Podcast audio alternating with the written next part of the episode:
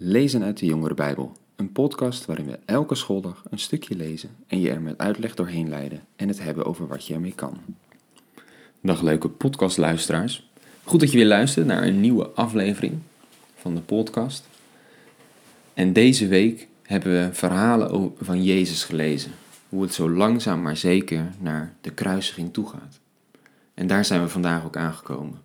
Jezus is door Pilatus veroordeeld, gegezeld en dat was in die tijd echt een afschuwwekkend iets. Dan sloegen ze met een zweep met allerlei haken eraan je rug helemaal open. Jezus was gegezeld, bespot door de soldaten en gaat uiteindelijk naar het kruis. Daar zijn we aangekomen. En dat is in Matthäus 27 en we lezen vanaf vers 27. Ik zal het stuk met jullie lezen. De soldaten van de gouverneur namen Jezus mee naar het praetorium en verzamelden het hele cohort om hem heen. Ze kleden hem uit en deden hem een scharlakenrode mantel om, vlochten een kroon van doorntakken en zetten die op zijn hoofd. Ze gaven hem een rietstok in zijn rechterhand en vielen voor hem op de knieën. Spottend zeiden ze: Gegroet, koning van de Joden. En ze spuwden op hem, pakten hem de rietstok weer af en sloegen hem op het hoofd. Nadat ze hem zo hadden bespot, trokken ze hem de mantel uit, deden hem zijn kleren weer aan en leidden hem weg om hem te kruisigen. Bij het verlaten van het praetorium troffen ze een man uit Cyrene, die Simon heette, en hem dwongen ze het kruis te dragen. Zo kwamen ze bij de plek die Golgotha genoemd wordt, wat schedelplaats betekent. Ze gaven Jezus met gal vermengde wijn. Maar toen hij die geproefd had, weigerde hij ervan te drinken. Nadat ze hem gekruisigd hadden, verdeelden ze zijn kleren onder elkaar door erom te dobbelen. En ze bleven daar zitten om hem te bewaken. Boven zijn hoofd bevestigden ze de aanklacht, die luidde: Dit is Jezus, de koning van de Joden. Daarna werden naast hem twee misdadigers gekruisigd de ene rechts van hem, de ander links. De voorbijgangers keken hoofdschuddend toe en dreven de spot met hem. Jij was toch de man die de tempel kon afbreken en in drie dagen weer opbouwen? Als je de zoon van God bent, red jezelf dan en kom van het kruis af. Ook de hoge priesters, de schriftgeleerden en de oudsten maakten zulke spottende opmerkingen. Anderen heeft hij gered, maar zichzelf redden kan hij niet. Hij is toch de koning der Joden?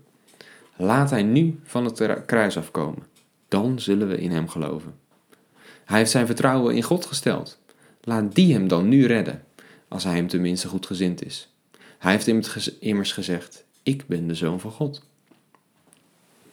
Precies zo beschimpte hem de misdadigers, die samen met hem gekruisigd waren. Rond het middaguur viel er duisternis over het hele land, die drie uur aanhield. Aan het einde daarvan, in het negende uur, riep Jezus met luide stem: Eli, Eli, lema sabachthani. Dat betekent: Mijn God, mijn God, waarom hebt u mij verlaten? Toen de omstanders dat hoorden, zeiden enkele van hen: Hij roept om Elia. Meteen kwam er uit het midden iemand toegesneld, die een spons pakte en in water met azijn doopte. Hij stak de spons op een stok en probeerde hem te laten drinken. De anderen zeiden: Laten we nu maar eens zien of Elia hem komt redden. Jezus riep opnieuw, luidkeels, en gaf de geest. Op dat moment scheurde in de tempel het voorhangsel van boven tot onder in twee. En de aarde beefde en de rotsen spleten. De graven werden geopend en de lichamen van veel gestorvene heiligen werden tot leven gewekt. Na Jezus' opstanding kwamen ze uit de graven, gingen de heilige stad binnen en verschenen aan een groot aantal mensen. Toen de centurio en degene die met hem Jezus bewaakte de aardbeving voelden en merkten wat er gebeurde, werden ze door een hevige angst overvallen en zeiden: Hij was werkelijk Gods zoon. Vele vrouwen, die Jezus vanuit Galilea gevolgd waren om hem te dienen, stonden van een afstand te kijken. Onder hen bevond zich Maria van Magdala, Maria, de moeder van Jacobus en Jozef, en de moeder van de zonen van Zebedeus.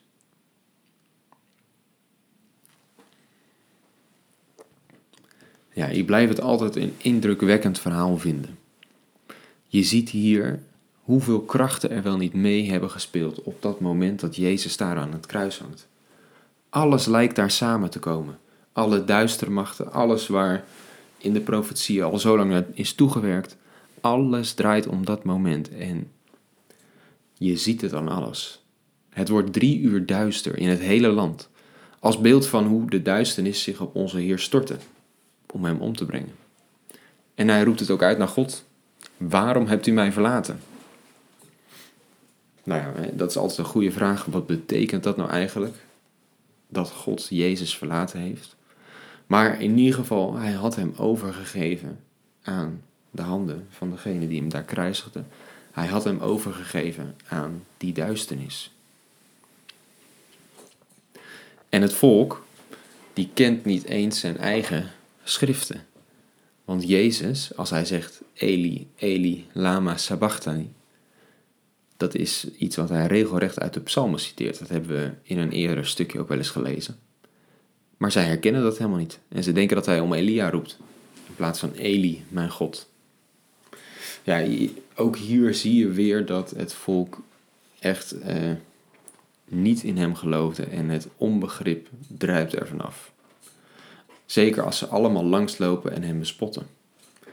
Terwijl juist ook die schriftgeleerden en die fariseeërs, die wisten wat Jezus allemaal gedaan had en welke wonderen hij allemaal gedaan had. Het was pure jaloezie dat Jezus zoveel volgelingen en aandacht kreeg en eh, ze niet meer zo naar hen luisteren. Bizar dus hoeveel er wel niet allemaal gebeurt rondom die kruisiging. Welke krachten daar allemaal meespelen. En die drie uur duisternis in het hele land. Moet je je voorstellen dat dat gebeurt. Omdat Jezus aan het kruis hangt. En het voorhangsel scheurde van boven naar beneden. Dat was een kolossaal kleed wat in de tempel voor het heilige der heiliging, voor de plek waar God zou zijn, hing. Als een soort van afscherming. Dat was een kleed van 18 meter hoog, 9 meter dik en het zou vuistdik zijn geweest. Zo'n enorm kleed scheurde spontaan in tweeën. En het kleed dus dat eerst de toegang tot de plek waar God verbleef afschermde, die was nu open en bloot, want het kleed was gescheurd. De weg naar God was niet meer afgeschermd, maar iedereen kon zo naar God toe door wat er gebeurd was aan het kruis. Een mooi stukje typologie zie je daar gelijk in. En er kwam dus een aardbeving en zelfs mensen die stonden op uit de dood toen Jezus opstond. En die liepen rond in de stad. Nou, ook dat is iets dat ken je misschien alleen maar uit horrorfilms, uit science fiction. En hier gebeurt dat dus gewoon. Mensen staan op uit de dood en gaan rondlopen in Jeruzalem. Kan je iets voorstellen bij al die krachten die daar hebben plaatsgevonden? Hoe ontzettend intens het is geweest, die uren dat Jezus daar hing en dat hij de geest gaf en stierf. Maar dat daar alles samenkwam. Leven en dood, licht en duisternis, aardbevingen en andere uitingen. Ja, ik, ik vind het altijd heel bijzonder als ik dat lees en ik word er wel stil van. Laat dat maar eens op je inwerken, wat daar allemaal gebeurd is. En daar eindigt dan ook voor nu onze week. Maar natuurlijk eindigt daar niet het verhaal. Dus volgende week gaan we verder bij de opstanding en wat dat allemaal wel niet betekent voor ons. Tot dan.